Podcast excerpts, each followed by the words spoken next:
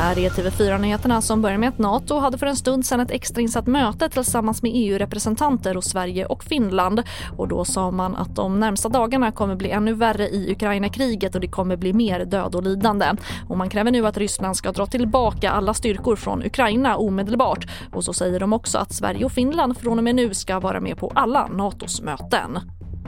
Och på tal om det och Sveriges inställning till Nato så öppnar nu Sverigedemokraterna för ett medlemskap i Nato. Det säger Sveriges utrikespolitiska talesperson Aron Emilsson i Ekots lördagsintervju.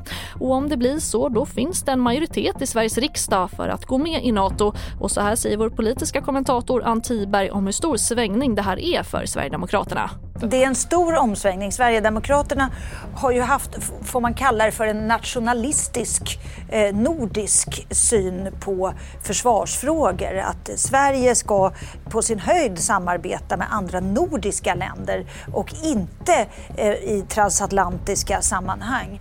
Även om fem partier är för så behöver ett sånt här, det behöver finnas en stabilitet i ett sånt här beslut. Man kan inte eh, hatta fram och tillbaka vad det gäller ett svenskt NATO-medlemskap. Och mer om det här kan du se på tv4.se. Jag heter Charlotte Hemgren.